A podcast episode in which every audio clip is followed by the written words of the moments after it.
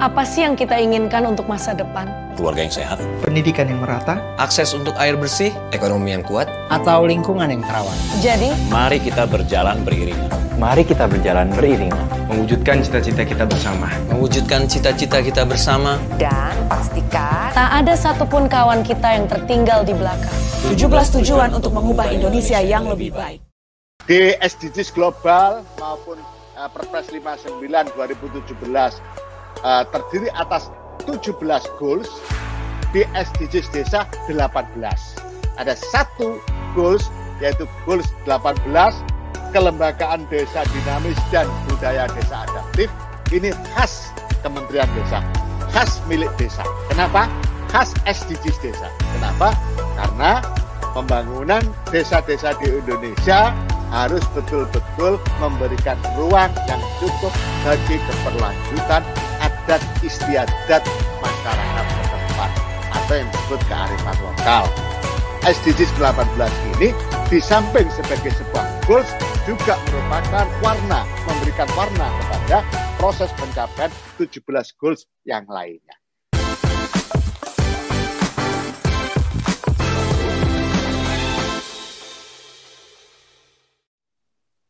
Selamat pagi kerabat desa yang berbahagia.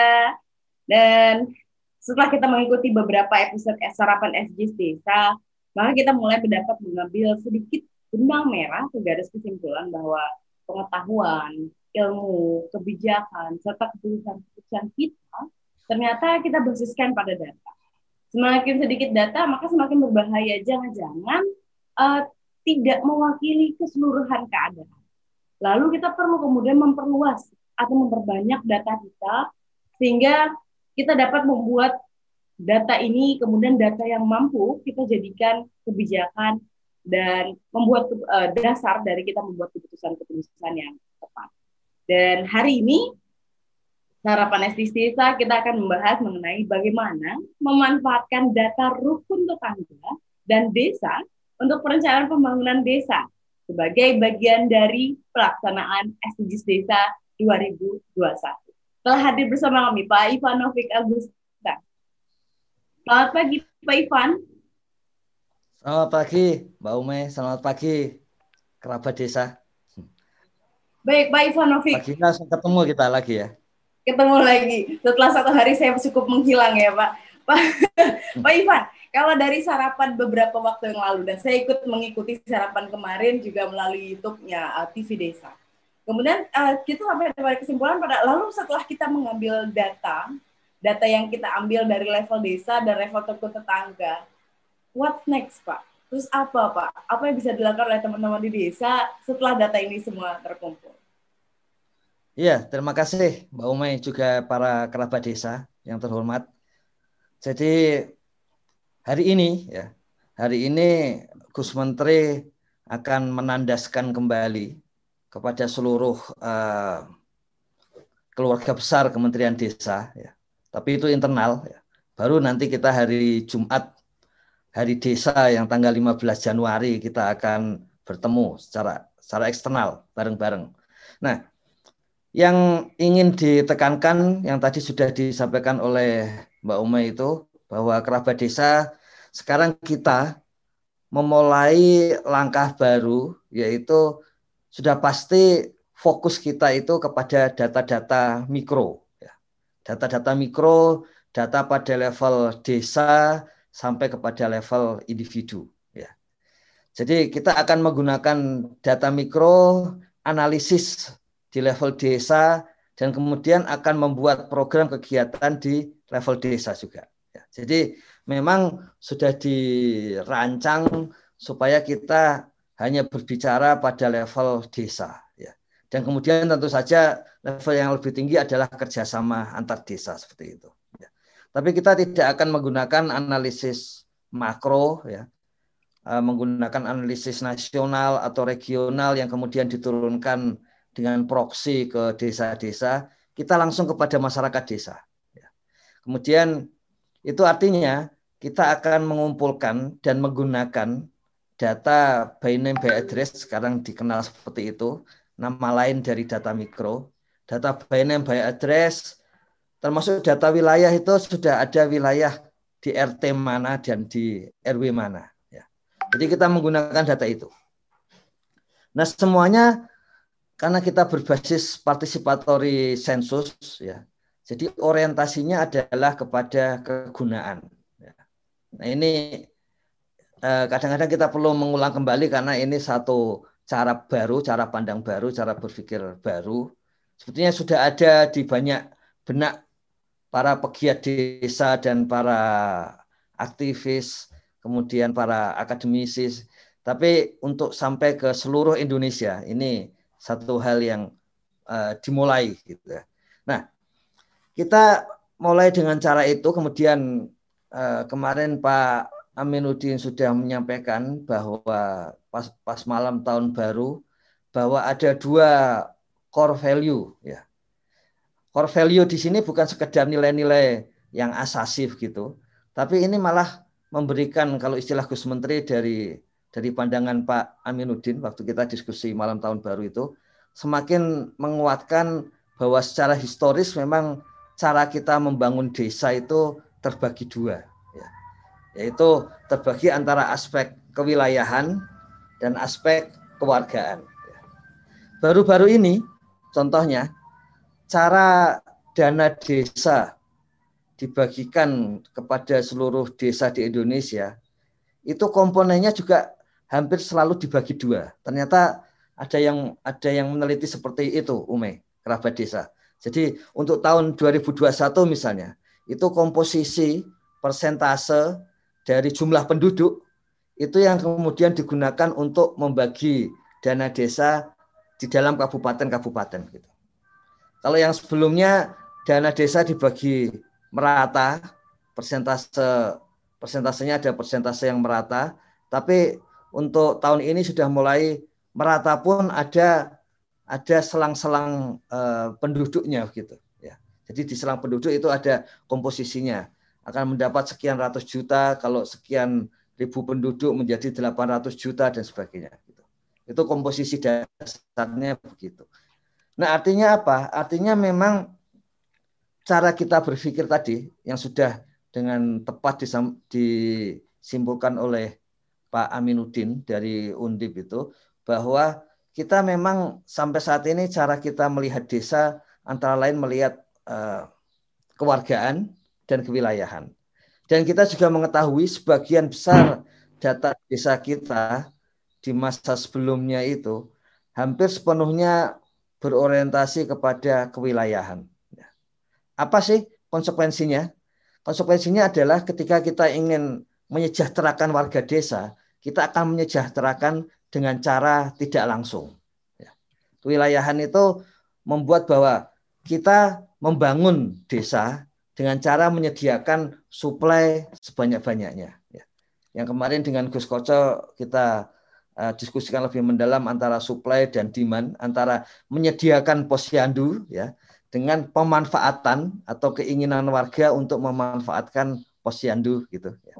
Nah, untuk desa dan untuk RT itu adalah pertanyaan-pertanyaan tentang supply.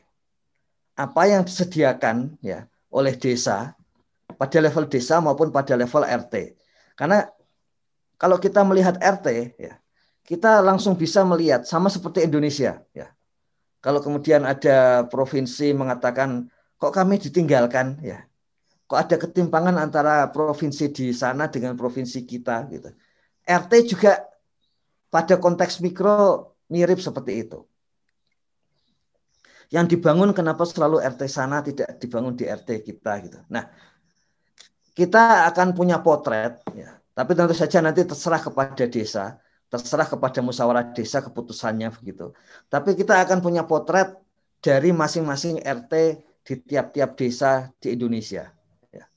Kemarin dalam forum internal pasca pasca uh, sarapan edisi desa, Prof Yudan dari Dir, uh, Dirjen Dukcapil juga menyampaikan ya bahwa kalau kita melihat kondisinya di Indonesia ya maka sebetulnya ada banyak nama apakah itu RT ataukah itu RW yang kemudian sesuai dengan definisi BPS disebut SLS ya satuan lingkungan setempat gitu. Tapi sebetulnya secara formal itu kita mendefinisikannya sebagai RT dan RW. Jadi makanya kita tetap akan menggunakan itu karena itu memudahkan. Termasuk misalnya mau jorong di nagari ya. Nanti apakah mereka akan mendefinisikan itu sebagai RW-nya atau sebagai RT-nya seperti itu ya. Apakah ada jorong dan kemudian di dalamnya ada korong dan sebagainya seperti itu. Nah, kita akan melihat kembali aspek wilayah ya. Tapi eh, yang baru dari SDGs desa adalah wilayah itu kemudian diturunkan pada level RT.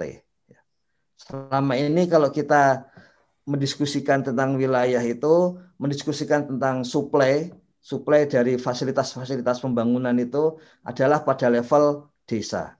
Sekarang pada level RT. Tadi kami sampaikan bahwa paling tidak pemerataan pada level desa itu akan langsung kelihatan. Pemerataan wilayah pada level desa akan langsung kelihatan.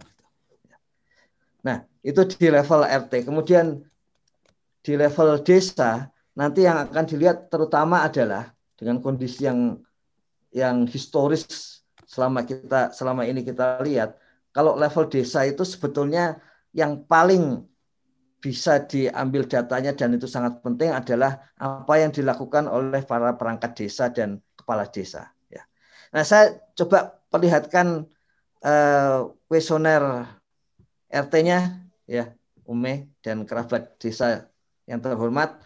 Ini kuesioner RT yang hari ini pun uh, Gus Menteri masih mendiskusikan lagi ya karena sepertinya pagi ini beliau mendapat ide baru ya. Jadi kita akan diskusikan uh, terutama berkaitan dengan permintaan-permintaan eh, sering kali ada WA-WA dari kerabat desa langsung ke Gus Menteri dan kemudian beliau memikirkan semalaman dan kalau ada ide gitu subuh-subuh sudah kirim WA hari ini kita diskusi ini gitu. Nah, hari ini akan ada diskusi uh, tentang RT ini. Jadi kita akan lihat pertama definisi deskripsi lokasi ya. Satu hal yang ditekankan oleh Gus Menteri dan masuk akal itu bahwa RT RW itu kita harus tahu ketua RT itu HP-nya berapa gitu ya. Memang agak agak aneh tapi terjadi ya, agak aneh tapi terjadi.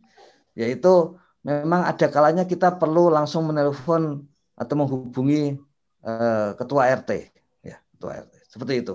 Pernah ada misalnya di Kementerian Desa itu ada yang kirim WA bahwa ini di tempat saya BLT DD-nya berbeda ini ya. Ini gara-gara ketua RT-nya ini, ini ya. Selama kita belum punya belum bisa mengakses langsung ketua RT, maka selalu proses untuk menyatakan ini sebetulnya faktual atau tidak itu selalu dari pihak lain dulu. Nah, nanti sudah tidak begitu lagi. Kemudian nomor HP itu perlu dan lokasi RT terletak di pulau mana. Ya. Ini karena selama ini kita mengetahui secara umum bahwa ada sekitar 1.300-an desa di Indonesia yang satu desa itu tinggalnya warganya ada di beberapa pulau, di di lebih dari satu pulau. Ya. Ada yang sampai lima pulau dan dan ada yang cuma dua pulau seperti itu. Jadi Makanya kita perlu mengetahui apakah desa itu desa kepulauan. Ya. Selama ini kita mengetahui ada provinsi kepulauan, ya, kabupaten atau kota kepulauan.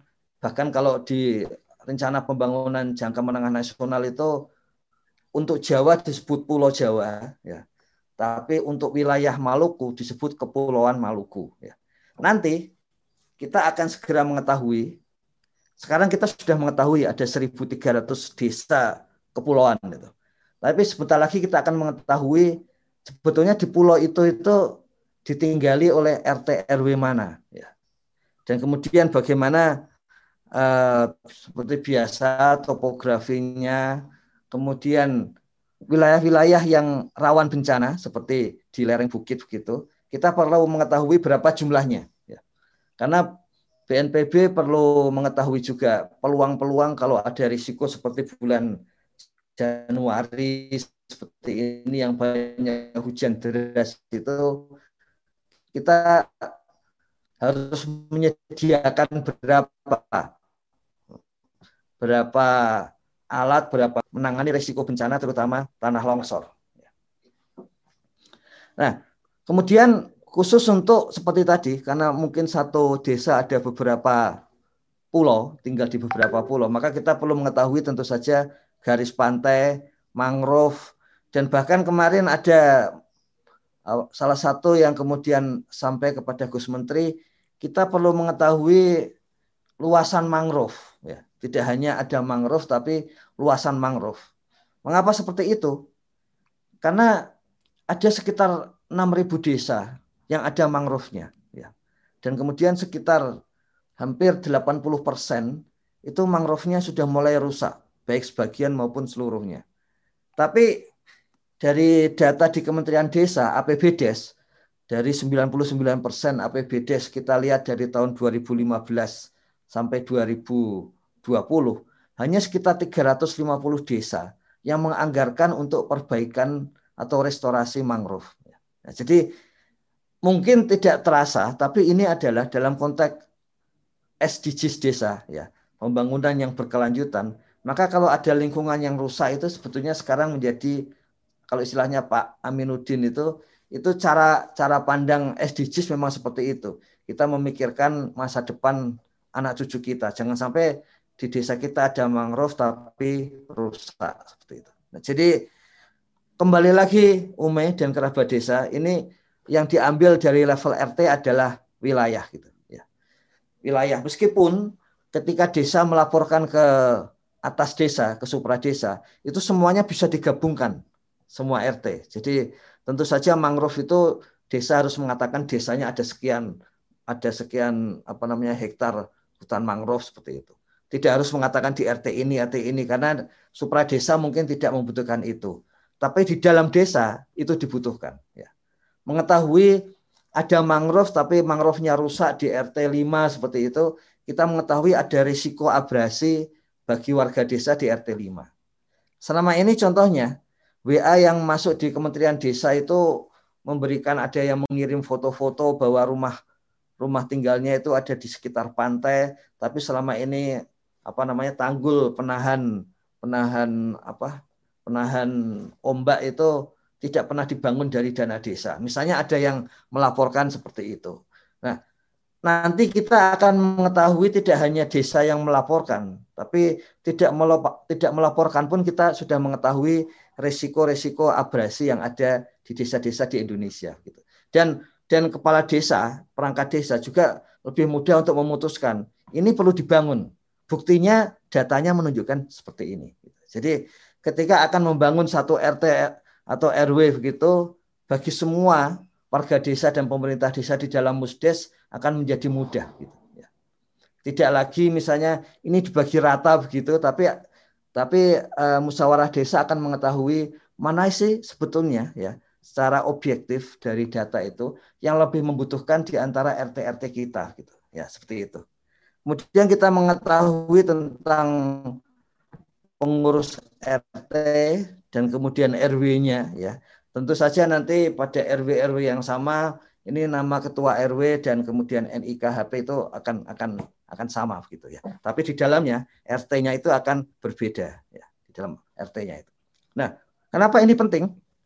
Memang dari awal Gus Menteri menyampaikan bahwa salah satu ceruk yang penting tapi kita belum memiliki itu adalah kita betul-betul memperhatikan kalau tidak bisa warga itu ya pemerintah desanya itu.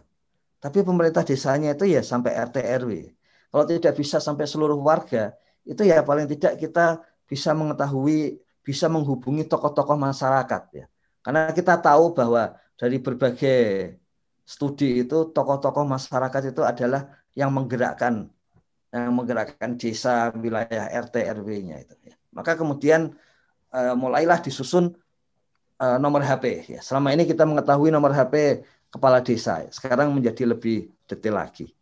Kemudian lembaga ekonomi ya kita mulai dari lembaga ekonomi apakah ada agen bedanya dengan dengan kuesioner individu apakah ada keluarga anggota keluarga di sini yang menjadi TKI apa namanya diman ya. Apakah ada keluarga di sini anggota keluarga yang menjadi TKI ya. Aspek permintaan ya diman ya. Kalau di dalam RT dan desa ini sudah wilayah maka apakah ada agen yang melayani TKI jadi supply. Jadi wilayah itu akan memberikan akses ya. Sementara uh, individu ya dan kemudian keluarga akan memberikan kita informasi diman gitu. Yang kemarin sudah kita diskusikan dengan Gus Koco menurut Amartya Sen butuh tidak hanya akses ya, tapi memastikan bahwa warga yang membutuhkan itu menggunakan fasilitas tersebut. Gitu, ya. Kemudian di sini ada industri ya, industri ini sangat uh, detail dan bisa dilengkapi lebih lanjut oleh desa. Kita melihat dari sisi uh, tenaga kerja ya. Kenapa ini penting? Karena untuk memastikan apakah tenaga kerja di desa sudah mulai masuk ke sektor formal atau belum.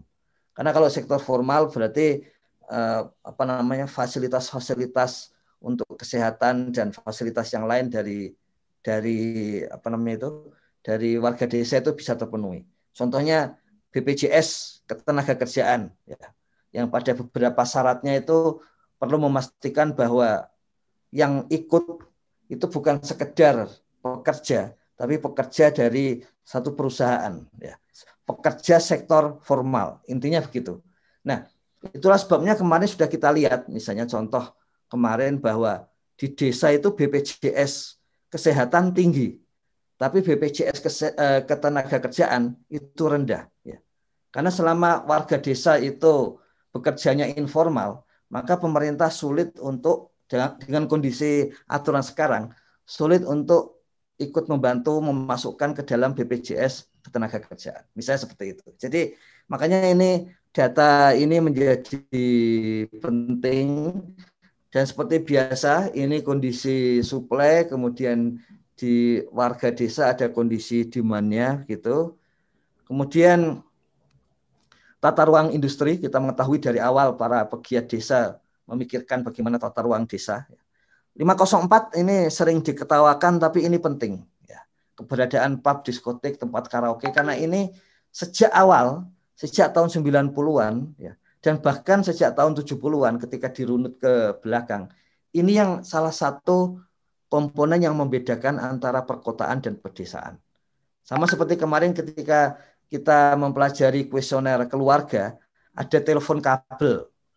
Kan sekarang sudah tidak lazim keluarga berlangganan telepon kabel. Tapi itu adalah data tentang desa yang kita ambil dari tahun 70-an. Dan itu yang membedakan sejak tahun 70-an itu antara perkotaan dan pedesaan. Salah satunya indikatornya itu. Demikian juga ini, pub atau diskotik atau tempat karaoke, itu sejak tahun 70-an datanya ada di desa mana gitu. Dan itu yang membedakan ya, fasilitas uh, rekreasi ini ya.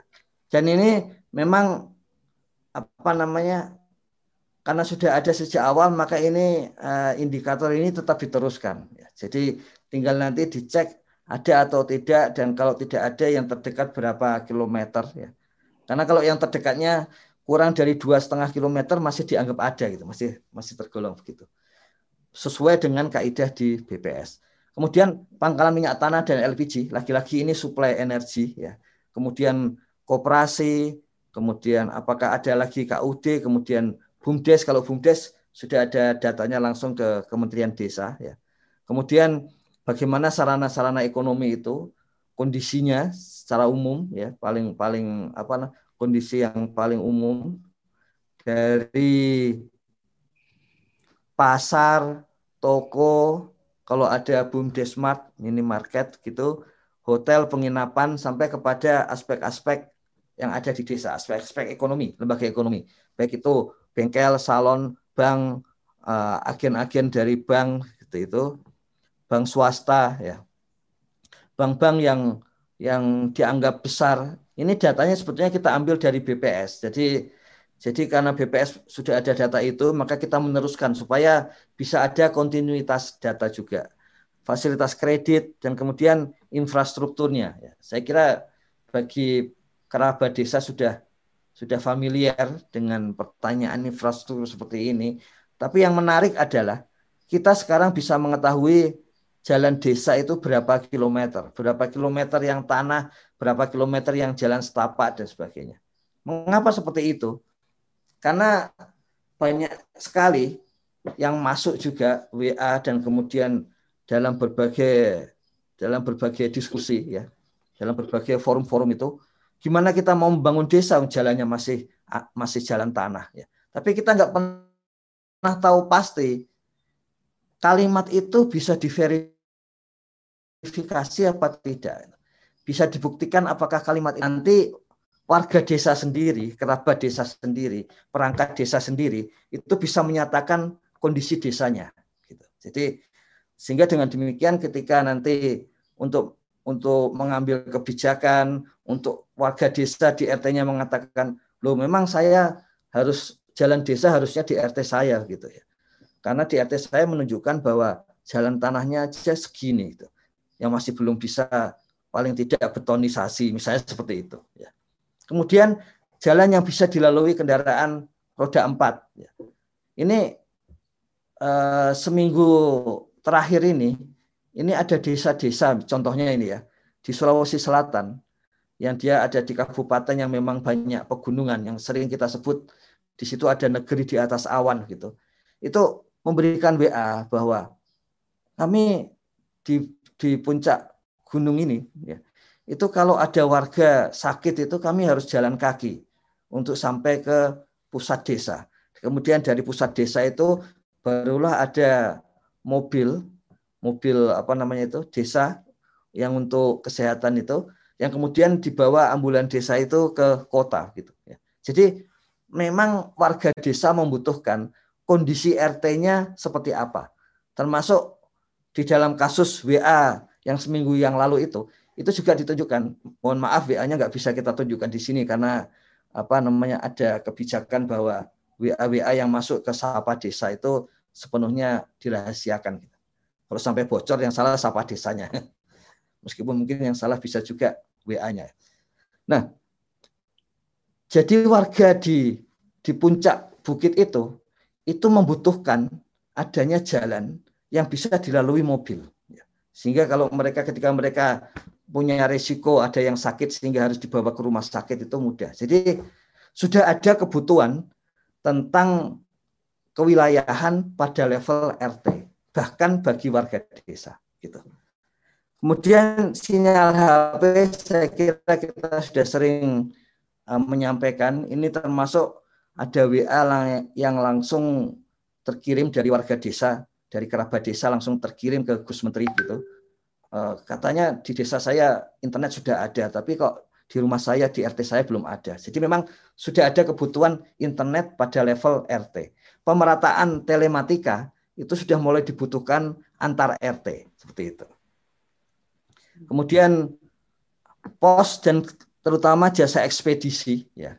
Jasa ekspedisi ini menjadi penting karena memang kita sudah mulai mengarahkan dan bukan cuma kita tapi desa-desa ya sudah mulai mengarah bahkan mereka membangun sendiri marketplace ya baik sendiri maupun kadang-kadang ada yang kerjasama dengan kominfo seperti itu nah ketika membutuhkan internet marketplace itu maka yang dibutuhkan tentu saja internet tadi ya tapi ketika mengirim dan menerima barang maka jasa ekspedisi ini menjadi penting ya. sebelum ini kita ketahui misalnya dari tahun 2014 ke 2018, salah satu peningkatan pesat kondisi desa itu adalah layanan jasa ekspedisi terutama dari swasta. Jadi itu untuk membutuhkan bahwa ada pasar bagi swasta ya, bagi suplai. Ada pasar untuk jasa ekspedisi. Karena mulai ada perdagangan eh, melalui internet itu. Jadi ini ini tentu saja akan makin berkembang. Kita sudah tahu sudah pasti akan makin berkembang terutama karena Presiden Jokowi dan Wakil Presiden menyampaikan sejak awal ada desa digital seperti itu dan kemudian dalam berbagai kesempatan disebutkan oleh Gus Menteri digitalisasi desa itu akan kita mulai dari ekonomi. Tidak kita mulai dari pemerintahan, harapannya supaya warga desa tetap sering bertemu dengan perangkat desa, dengan pemerintah desa begitu. Tapi mulai dari ekonomi supaya ekonomi desa bisa langsung suplai kepada luar provinsi bahkan sampai ke luar negeri. Nah di sini jasa ekspedisi menjadi penting. Jadi mengetahui jasa ekspedisi ada di mana itu memudahkan baik itu bagi apa namanya perusahaan yang bekerja sama maupun bagi desa sendiri kalau mau menjadi hub atau tempat mengumpulkan barang itu ada di mana ya. Pak Ivan, program TV dan ya Ya, sedikit bertanya Pak, tadi bicara sedikit tentang ekonomi dan di uh, di kolom ya, ya. ekonomi tadi saya belum melihat mengenai uh, karena di beberapa desa yang pernah saya kunjungi banyak sekali desa yang RT-nya kemudian itu sebagian wilayahnya adalah coverage-nya adalah sawah. Nah, tapi menariknya adalah bahwa sawah yang ada di yeah, yeah. tersebut adalah bukan sawah kalau untuk kepemilikan bukan sawah milik warga setempat, namun uh, milik dari uh, warga lain yang ada di kota atau bahkan uh, punya dari perusahaan. Sehingga persentase wilayah pemukiman dan persentase wilayah sawah, besaran sawah dan sawah itu bukan milik mereka. Dan kemudian yeah, yeah, yeah. yang menarik adalah bahwa di sawah tersebut yang menjadi pekerja atau petani guremnya adalah wilayah uh, masyarakat setempat. Jadi masyarakat setempat mereka punya sawah, tapi secara ekonomi mereka tidak ter, uh, tersejahterakan dengan sawah tersebut karena mereka hanyalah petani gurem. Nah ini apakah data seperti ini juga tercapture pak di dalam uh, uh, apa SDGs desa ini? Iya, jadi memang apa namanya itu soal cara menempatkan itu uh, ada sejarahnya juga Ume dan kerabat desa. Jadi eh, apa namanya itu? Misalnya contohnya begini. Tadi kita memandang itu di ekonomi ya. Pada saat ini ya pada saat ini itu akan masuk ke dalam lingkungan. Ya. Jadi berapa hektar uh, sawah termasuk dan sebagainya seperti itu ada di dalam lingkungan. Ya. Kita perlu perlu hati-hati di sini ya. Bukan apa-apa karena sebetulnya cara yang paling bagus untuk memastikan uh, lingkungan ini adalah bahwa di dalamnya itu itu penghitungannya tepat gitu. Tidak cara menghitung dengan uh, selayang pandang begitu, tapi kita mengitari sawahnya misalnya kalau sawah itu. Makanya Kementerian Desa itu berlangganan saat ini ya, melanggan uh, apa namanya itu Google Map gitu dan juga melanggan Eh, peta-peta yang mirip Google dari BIG ya. Nanti desa tinggal memilih mau pakai yang mana karena di sebagian wilayah desa terutama wilayah desa yang yang golongan terpencil, pulau kecil itu kadang-kadang petanya hanya hanya ada satu gitu. Nah, kita akan menggunakan uh, apa namanya itu handphone untuk mengitari untuk mengitari uh, apa namanya itu sawahnya itu sehingga kita mengetahui lebih persis berapa hektar. Selama ini data seperti ini tidak pernah bisa dipercaya ya. Karena ketika dijumlahkan ke nasional itu kadang-kadang jumlahnya bisa empat kali lipat dari luas Indonesia dan semuanya itu semuanya itu sawah, maksudnya semuanya itu daratan, tidak ada lautan gitu ya. Jadi, Jadi seakan-akan seakan-akan data-data sebelumnya adalah angka-angka ini adalah angka-angka uh, magic seperti itu ya Pak. Dan hal ini juga disampaikan salah satu kerabat desa yang hadir di YouTube kita bahwa menyatakan bahwa data-data yang ada saat ini sebenarnya tidak valid karena mereka juga tidak percaya sama seperti uh, Pak Ivan tadi sampaikan. Pak Ivan dan kerabat desa yeah. kembali Pak setelah jeda berikut ini. Kamu tinggal di pulau terpencil, pegunungan pinggiran kota, atau daerah di Indonesia yang tidak terjangkau jaringan fiber, ADSL, dan juga 3G. Internetan dengan cepat pasti cuma akan menjadi mimpi. Mau pakai tol langit, pakai desa wifi, kunjungi www.desawifi.id.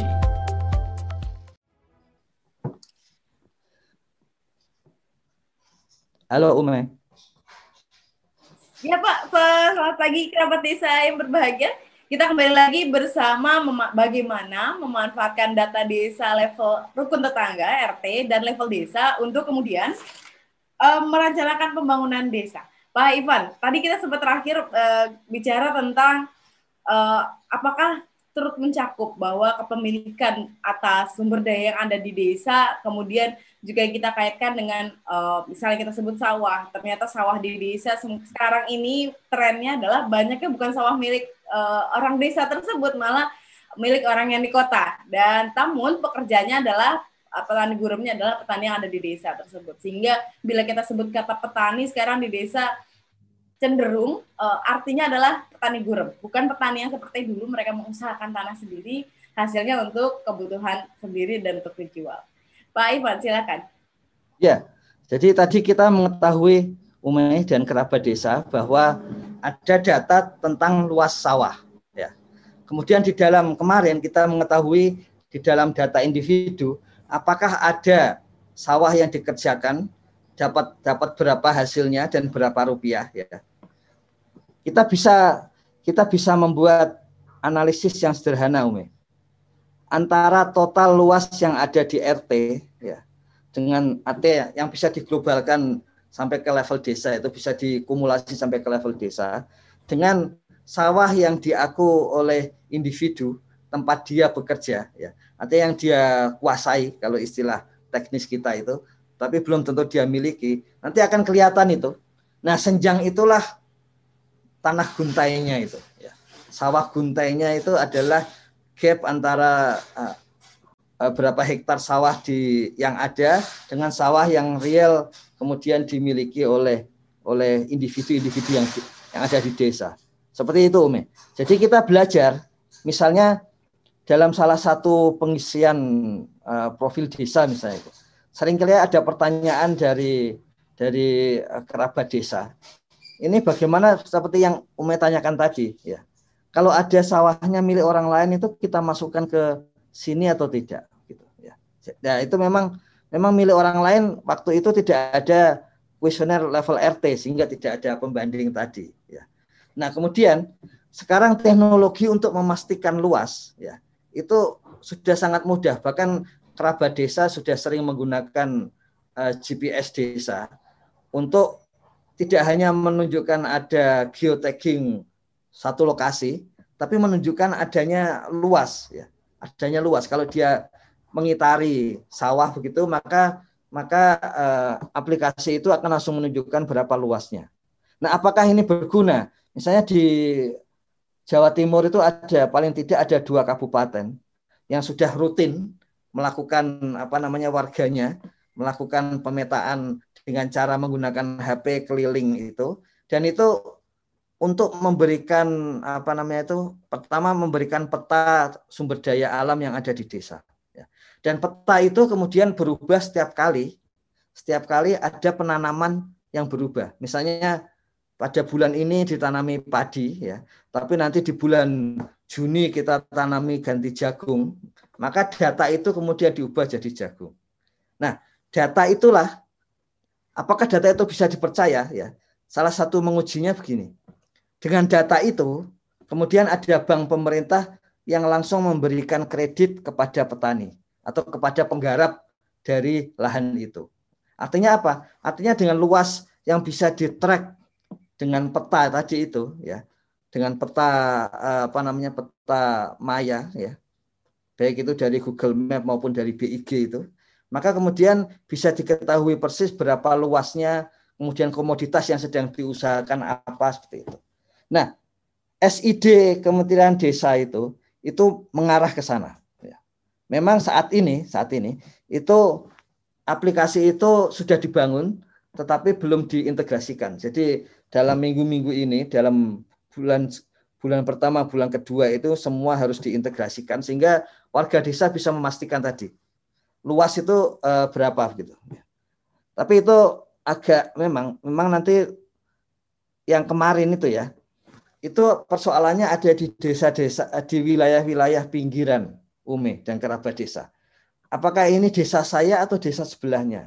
Jadi memang uh, pemetaan dengan geotagging seperti itu kemudian bisa bisa berguna untuk menunjukkan batas desa ya. Tapi bisa juga itu kemudian menjadi tidak tidak tepat lagi kalau warga desa agak sulit untuk memetakan terutama di pinggiran desa itu ya. Gitu Umi. Jadi saat ini untuk data-data seperti itu kita memiliki teknologi yang bisa memastikan bisa diuji juga ya, bisa diuji dan tadi sudah ada contohnya bagaimana perbankan yang sangat rigid untuk memberikan kredit pinjaman itu justru bersedia dengan cara seperti tadi. Dan itu yang yang segera dipraktekkan juga oleh kerabat desa melalui SID dari Kementerian Desa itu. Gitu. Itu alatnya cukup membantu ya Pak. Maksudnya itu akan membuat lebih ya. sederhana yeah. Dan kerabat desa untuk uh, masalah pengukuran.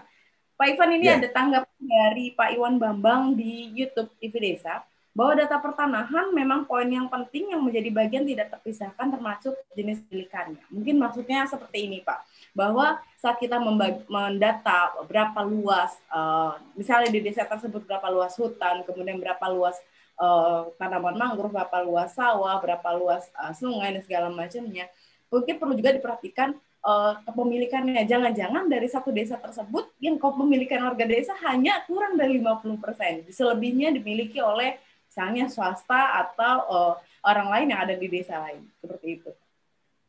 Apakah itu dipertimbangkan di dalam uh, yeah. Karena ke depannya otomatis kita akan menjadi uh, cukup penting untuk menjadi pijakan dalam membuat keputusan untuk kerabat desa di desa.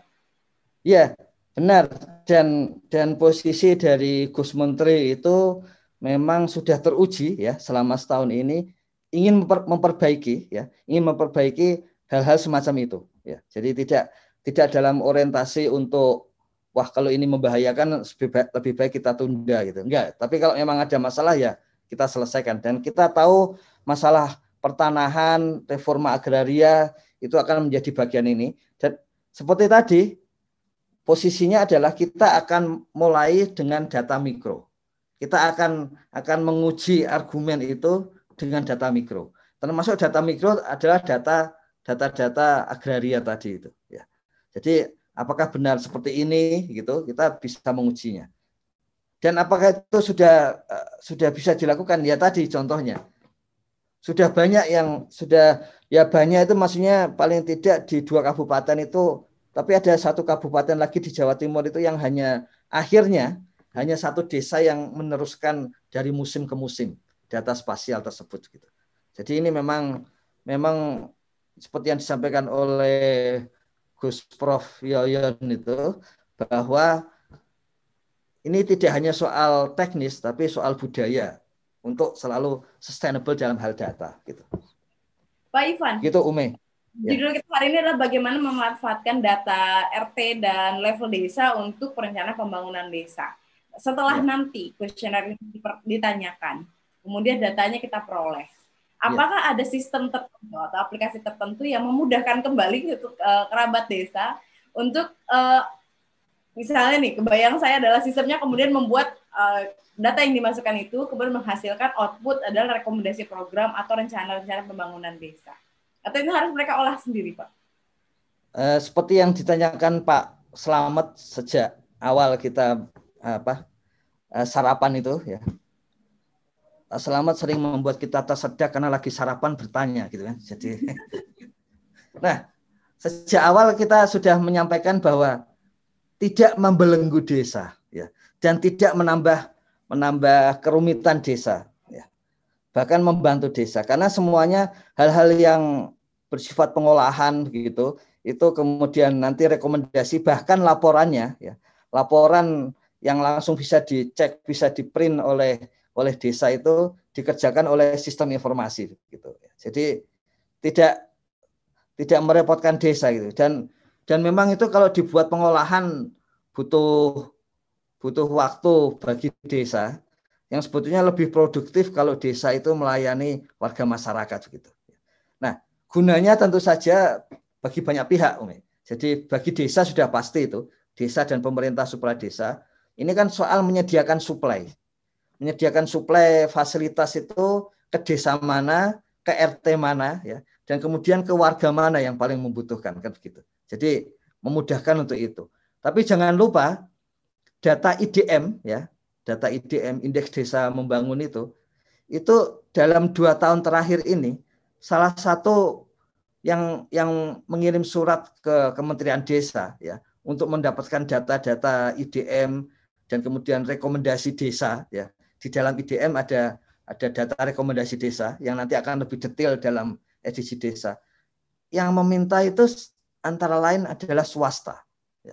Jadi ketika swasta mau melakukan investasi ke desa bahkan kemarin ada swasta ini swastanya adalah swasta uh, penerbit penerbit uh, nasional terbesar. Data IDM ya, data Indeks Desa Membangun untuk meletakkan bukunya sebetulnya harusnya tema apa tahun ini. Dan kemudian buku itu akan masuk ke toko buku toko buku yang dekat dengan desa-desa mana gitu. Artinya apa? Artinya apalagi sekarang datanya lebih detail ya maka yang menggunakan akan akan banyak tadi contohnya data penggunaan lahan tata guna lahan itu kemudian digunakan bank sebagai basis untuk analisis kredit bahwa ini layak diberikan kredit gitu dan memang eh, tahun lalu dua tahun lalu ya itu Kementerian Desa sudah melakukan penjajakan dengan berbagai perbankan yang sama-sama juga tertarik bahwa jika ada data kontinu ya data datanya data kontinu misalnya data kontinu waktu itu adalah yang tadi itu tentang lahan yang digunakan. Juga data kontinu transaksi di dalam bumdes. Nah data kontinu itu itu akan menjadi basis supaya kur ya supaya kredit-kredit perbankan itu bisa langsung otomatis diberikan kepada lembaga-lembaga yang ada di desa. Gitu. Jadi berguna tidak hanya bagi pemerintah tapi juga bagi warga desa sendiri. Seperti itu kerabat desa, Ume. Pak Ivan, ini ada pertanyaan Pak dari kerabat desa. Kapan nih Pak perangkat desa bisa memanfaatkan program ini dan bagaimana caranya biar desa tersebut bisa menjadi pilot tidak hanya empat desa yang Pak Ivan uh, sebutkan tadi. Ini sepertinya sudah banyak menarik ini Pak uh, dengan program yang uh, Pak Ivan sampaikan. Mungkin bisa dijawab. Apakah itu Pak Pardi dari Geni Langit? Karena dari beberapa kali kita sarapan pagi, pertanyaan Pak Pardi seperti itu yang yang belum sempat kita jawab gitu. Jadi tidak ada lagi, tidak hanya pilot project empat desa ya. Saat ini eh, hari Jumat itu Gus Menteri akan menyampaikan secara resmi dalam pidato resmi istilah istilah di apa beliau itu ini pidato desa 2021 gitu. Pada undang-undang desa, pada ulang tahun undang-undang desa yang ke-7 tahun gitu ya. Nah, itu beliau akan menyampaikan bahwa kita akan mulai gitu, termasuk pendataan dan penggunaan ya gitu. Dan apa namanya karena ini kalau digunakan oleh pemerintah desa dan dan warga bisa mencek hasilnya nanti kan. Itu langsung terkoneksi dengan Kementerian Desa, maka ini hubungan antara Kementerian Desa dengan dengan perangkat desa, tokoh masyarakat di desa akan semakin kuat gitu dan bisa langsung menggunakan. Jadi eh, tidak akan lebih dari Januari, Ume. Ya. Baik, nah, kenapa kenapa agak lambat? Memang ada persoalan administrasi keuangan yang harus diselesaikan. Kalau tidak nanti Kementerian Desa di akhir tahun bisa kena penalti dari dari apa namanya BPK seperti itu. Jadi memang uh, harus ini memang persoalannya ini uh, bukan persoalannya ya apa namanya itu uh, dilema kita itu undang-undang desa lahir pada bulan pertama dari APBN bahkan setengah bulan pertama sehingga semuanya harus dikebut dari tanggal kalau kemarin nggak bisa tanggal 1 ya, tanggal 4 gitu, tanggal 4 Januari. Sampai ke tanggal 15. Kita inginnya semuanya selesai sebelum tanggal 15 ya. Tapi eh, kalaupun selesai berarti secara resmi harus keluarnya itu nanti baru setelah setelah tanggal 15 mungkin. Tapi tapi Januari sehingga menyambut pencairan dana desa. Ya. Seperti Pak Selamat nanti Pak Pardi begitu Gus Menteri menyampaikan desa yang bisa mencairkan pertama kali, ya, mari kita langsung zoom bareng gitu, ya, yang disaksikan oleh oleh banyak pihak boleh wartawan, boleh pejabat, tapi yang penting desa dengan kepala desa dan perangkat desa. Gitu, ya. gitu Me. Jadi nanti di akhir Januari selambatnya sudah sudah bisa digunakan. Ya. Baik, berarti ini kabar gembiranya buat eh, desa-desa uh, di seluruh Indonesia dan kerabat desa tentunya tanggal 15 Januari di Gong ulang tahun Undang-Undang Desa ke-7, uh, Kementerian Desa akan meluncurkan program ini ya Pak ya dan tidak perlu menunggu sebagai uh, pilot project lagi. Pak Ivanovic dan kerabat yang berbahagia, ya. kita telah ya. hadiran uh, Gus Prof Yoyon. Selamat pagi Prof Yoyon. Selamat pagi, Assalamualaikum warahmatullahi wabarakatuh. Waalaikumsalam warahmatullahi wabarakatuh. Prof Yoyon, tadi sepagian ini, di ya. satu jam sebelum ini, maaf, ya. satu ternyata masih sekitar 50 menit sebelum ini, Prof, kita diskusi bahwa ya. kita data yang kita ambil dari level RT, level desa, kemudian ternyata dapat dengan mudah kita manfaatkan untuk menjadi pijakan pembuatan kebijakan ke depan. Ya. Nah, sistem yang dibangun oleh Kementerian Desa membuat data-data yang dikumpulkan kemudian di, dapat teranalisa memberikan uh, apa respon atau outcome yang bisa digunakan oleh desa secara langsung. Ya. Ya. Ya. Saya kira uh, ada pandangan tertentu dari Prof. Ya, baik keberhasilan data-data yang dikumpulkan oleh Kemendesa, unit analisis keluarga, RT, desa, dan sebagainya itu teruji kalau kemudian memunculkan perencanaan ya, yang memang berbasis data, itu dalam satu siklus manajemen program. Ya. Manajemen program itu kan data, rencana, tindakan, ya monitoring, evaluasi kembali lagi ke uh, data tadi. Nah, data-data yang dikumpulkan tadi di tingkat RT, RW dan sebagainya itu, ya masalah pertamanya satu, apakah itu nanti uh, tersinkronisasi di data desa? Ya. Kan ada data rumah tangga, ada data RT, ada data desa. Ya. Nah, data desa itu apakah semua sudah mencakup tadi itu? Ya, mencakup ada data keluarga, ada data uh, eh, RT dan sebagainya. Tentu itu menjadi sangat uh, sangat lengkap sekali. Ada data rumah tangga, ada data RT sampai dengan data desa. Nah kemudian di situ ada satu proses yang tadi Pak Ipan itu tergantung pada musyawarah desa. Nah, di situlah terjadi pergulatan antar RT, antar RW, antar kampung dan sebagainya supaya masing-masing data di dalam perencanaan itu terakomodasi di desa.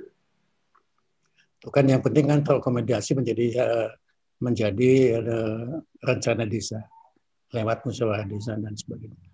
Nah, kalau itu sudah terjadi, maka kemudian apakah itu uh, ditindaklanjuti dengan satu program kegiatan yang memang berbasis data tadi itu. Tadi yang ditanyakan oleh Mbak Umay penting itu Pak Ivan, eh, jangan sampai pembangunan di desa itu ya karena lahan dan macam-macamnya itu sudah dimiliki oleh orang lain yang bukan warga desa itu jangan sampai terjadi yang memetik manfaat itu ya orang-orang yang di luar desa tadi itu. Ya. Tapi itu itu tadi sudah dijawab oleh eh, data-data uh, yang ada di sana tadi itu. Ya. Diharapkan tidak akan sampai terjadi begitu. Itu yang pertama. Yang kedua, ujiannya itu nanti uh, dengan data-data tadi itu ya apakah itu dilaksanakan tidak dalam program-program desa itu ya ya, ya karena uh, manajemen programnya kan berada di desa ya. ya betul ya Pak Ipan kan di desa manajemen programnya itu nah mudah-mudahan di desa itu menampung tadi semua itu ya menampung semua tadi itu. Jadi itu kepentingan yang paling sangat uh, bagus ya dalam konteks perencanaan yang bagi ini menjadi topik ya perencanaan desa berbasis data-data dari itu. Nah, soal masalah kapan itu bisa diketahui, ya tadi Pak Ivan sudah menjelaskan. Ya tentu ini kan satu proses awal yang mungkin eh, pengumpulan datanya mungkin belum selesai ya Pak Ivan ya dengan uji coba tadi itu ya. Mungkin pengolahan ya, ya. dan sebagainya. Sehingga tampilan data yang sesungguhnya yang bisa dimanfaatkan oleh eh, keluarga, RT eh, sampai dengan desa eh, masih perlu waktu sedikit ya. Tapi Kementerian Desa ini uh, high speed ya, jadi cepat sekali anunya itu uh, menangani ya. Data ini saya kira tidak sampai uh, bulan depan sudah selesai. Apalagi tadi tanggal 15 itu sudah akan di uh, apa di ada pidato ya memperingati ulang tahun desa sampai dengan tadi usaha-usaha dana desa dan sebagainya. Jadi sebetulnya tidak ada tidak ada keraguan untuk menggunakan data desa di dalam perencanaan ini. Kalau ada pun kalau ada keraguan tentu bukan pada perencanaannya, tapi pada uh, pelaksanaan programnya. Ya. Karena di desa itu kan ada kepentingan, ada 10, ada 20 RT aja sudah menjadi 20 kepentingan itu. Tuh, belum lagi ada macam-macam lah dinamikanya yang ada di desa. Tapi kalau berbasis data memang sangat bagus sekali. Jadi debatnya itu debat bukan debat kepentingan gitu. Debatnya itu debat data. Itu yang diharapkan oleh Kementerian Tuhan itu. Semuanya itu debatnya itu data. Gitu. Nah, saya kira itu catatan saya Pak Ivan bagus sekali. Dan dari perencanaan eh, desa dengan model ini eh, menjadi contoh yang sangat bagus. Contoh yang sangat bagus. Cuman nanti tinggal sinkronisasi ya antara para pelaksananya di tingkat desa karena unsurnya banyak sekali. Ya. Nah, kalau itu sudah terjadi antar sektoral atau antar kementerian dan sebagainya, oh, sudah luar biasa sekali. Ya. Dan betul itu saya kira orangnya harus berkualitas, desanya, wilayahnya dan macam-macam suasana luar biasa sekali. Itu eh, Mbak Umay kesan saya. Eh, nanti saya akan melihatnya itu di level implementasi apakah betul program-programnya itu sudah berbasis data-data yang ada itu tadi. Ya. Itu di di situ. Gitu. Uh, terima kasih Mbak Uma itu catatan saya. Saya tidak bisa melebihi dari itu ya karena kalau eh, saya melebihi kan ya uh, Gus Ipan sama Gus Menteri kan sudah uh, levelnya sudah level dewa lah untuk urusan desa gitu. Jadi memang sudah dengan data-data tadi yang sangat baik. Monggo, ini mungkin Bu Agnes tadi ada komen. Pak Umay, saya cukup itu aja dulu sementara. Terima ya. kasih Pak Umay. Terima Baik. kasih Prof Yoyon. Uh, silakan bila ada ya ingin berkomentar, tapi saya mungkin sedikit mencatat bahwa tadi Prof Yoyon dan Pak Ivan setuju bahwa desa-desa ini kemudian memiliki data, uh, ada empat data dari desa dan perlu ini semua tersinkronisasi. Tadi betul seperti uh, saya juga sependapat dengan Prof Yoyon bahwa bila data rumah tangga, data individu dan data uh, rukun tetangga bila di di di, di layerkan, bila di, disusun bersama dengan data desa, uh, apakah ada kemungkinan masih ada Pak Ivan Novik bila bersedia menjawab sedikit saja, apakah ada kemungkinan nanti overlap data Pak? Mungkin di satu kalimat saja jawabnya Pak. Silakan. Ya, jadi overlap data itu mungkin ya. Tapi apa namanya? Kalau saat ini ya Ume ya. Ya Pak. Hampir pasti hampir pasti uh, tidak ada ya. Karena segmen data RT, segmen data keluarga dan segmen data individu ya. Itu belum ada saat ini ya. Jadi uh, kalau belum ada ya tidak tidak akan ada apa namanya uh, overlapping gitu. Kemudian yang tadi kita belum tinjau secara detail itu segmen data desa itu lebih banyak merujuk kepada apa yang dilakukan oleh pemerintah desa. Nah itu juga data itu juga relatif belum ada saat ini. Jadi saat ini memang ini uh, kalau istilah orang desa-desa di Jawa itu ini membabat alas ini. Tapi alasnya itu alas data itu. Jadi membabat hutan pertama kali tapi hutan data ini. Jadi tidak ada overlapping ya hampir pasti nggak ada overlapping karena segmen datanya memang baru sekarang ini ya. Sebetulnya tahun 2007 itu pernah ada segmen serupa, tapi karena memang tidak dijalankan ya, maka sekarang ini barulah implementasi yang pertama. Ya. Seperti itu, Mei. Pak, kita beralih ke Pak Suryo Koco. Ya, Pak Suryo Koco, silakan. Terima kasih. Gus Ivan ini mungkin karena uh, sekaligus peringatan undang apa lahirnya undang-undang desa dan di pasal 86 undang-undang desa itu sistem informasi desa kewajibannya ada di pemerintah kabupaten kota ini. Agus. Jadi uh, mungkin yang perlu dipertimbangkan jangan sampai nanti kemudian apa yang dilakukan niat baik dari teman-teman Kemendes ini dianggap melanggar atau melampaui dari apa uh, amanat undang-undang desa. Jadi amanat undang-undang desa uh, pasal 86 itu sangat jelas bahwa sistem informasi desa itu kewajibannya ada di kabupaten kota. Nah, oleh karenanya mungkin ini apakah menjadi semacam diskresi karena tujuh tahun ternyata kabupaten kota tidak melakukan apa pun atau ternyata uh, tidak ada kemampuan kabupaten kota untuk berinisiatif dan seterusnya. Ini mungkin menjadi penting karena kadang-kadang niat baik kita itu berbenturan dengan aturan-aturan hukum yang sudah ditetapkan. Itu aja mungkin uh, sekedar mengingatkan uh, Gus Ivan dan teman-teman di Kementerian Desa karena kadang-kadang uh, urusan peraturan perundangan ini kadang-kadang suka tidak suka, kadang-kadang apa agak membelenggu kita. Mungkin itu aja kalau saya sih pertimbangannya. Iya, apa namanya di sini memang disebut di pasal 86 ya. ya namanya adalah sistem informasi pembangunan desa dan pembangunan kawasan pedesaan, Gus. Hmm. Itu yang kemudian menunjukkan bahwa ini adalah aspek sektoral, aspek hmm. Sebetulnya ini wilayah, cuma kalau dalam struktur pemerintahan kita ini disebut data statistik sektoral gitu. Makanya boleh dikerjakan oleh sektor yang menangani pembangunan desa dan pembangunan kawasan pedesaan. Dalam hal ini sesuai dengan PP 47 2015 adalah Kementerian Desa. Nah, pasal 2 Gus Koco. Ya. Pemerintah dan pemerintah daerah gitu. Itu Gus. Karena itu kemudian pemerintah itu wujudnya adalah kalau di dalam pasal 1 itu menteri yang menangani desa. Gitu Gus Koco.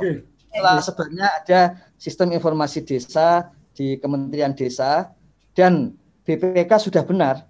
BPK itu menyatakan bahwa salah satu teguran ke Kementerian Desa, teguran administratif itu, bahwa sistem informasi desa harus ada dan harus terintegrasi. Nah, tahun ini kita yakin uh, dua-duanya itu uh, terpenuhi. Oke, siap. Pak Ivanovic, uh, Pak Suryo Koco, Prof. Heyon, dan seluruh kerabat desa yang berbahagia tidak terasa sarapan hari ini sudah menunjukkan pukul 7 dan kita akan melanjutkannya kembali esok hari sarapan SJS Desa bersama Kemen Desa pukul 6 hingga pukul 7 waktu Indonesia Barat. Tetap di TV Desa dan jangan ke mana-mana. Sampai jumpa esok hari. Apa sih yang kita inginkan untuk masa depan? Keluarga yang sehat, pendidikan yang merata, akses untuk air bersih, ekonomi yang kuat, atau lingkungan yang terawat. Jadi, mari kita berjalan beriringan. Mari kita berjalan beriringan. Mewujudkan cita-cita kita bersama. Mewujudkan cita-cita kita bersama. Dan pastikan tak ada satupun kawan kita yang tertinggal di belakang. 17 tujuan untuk mengubah Indonesia yang lebih baik. Di SDGs global maupun uh, Perpres 59 2017 uh, terdiri atas 17 goals di SDGs Desa 18. Ada satu goals yaitu goals 18 kelembagaan desa dinamis dan budaya desa adaptif ini khas Kementerian Desa, khas milik desa. Kenapa? Khas SDGs desa. Kenapa? Karena pembangunan desa-desa di Indonesia harus betul-betul memberikan ruang yang cukup bagi keberlanjutan adat istiadat masyarakat setempat atau yang disebut kearifan lokal. SDGs 18 ini di samping sebagai sebuah goals juga merupakan warna, memberikan warna kepada proses pencapaian 17 goals yang lainnya.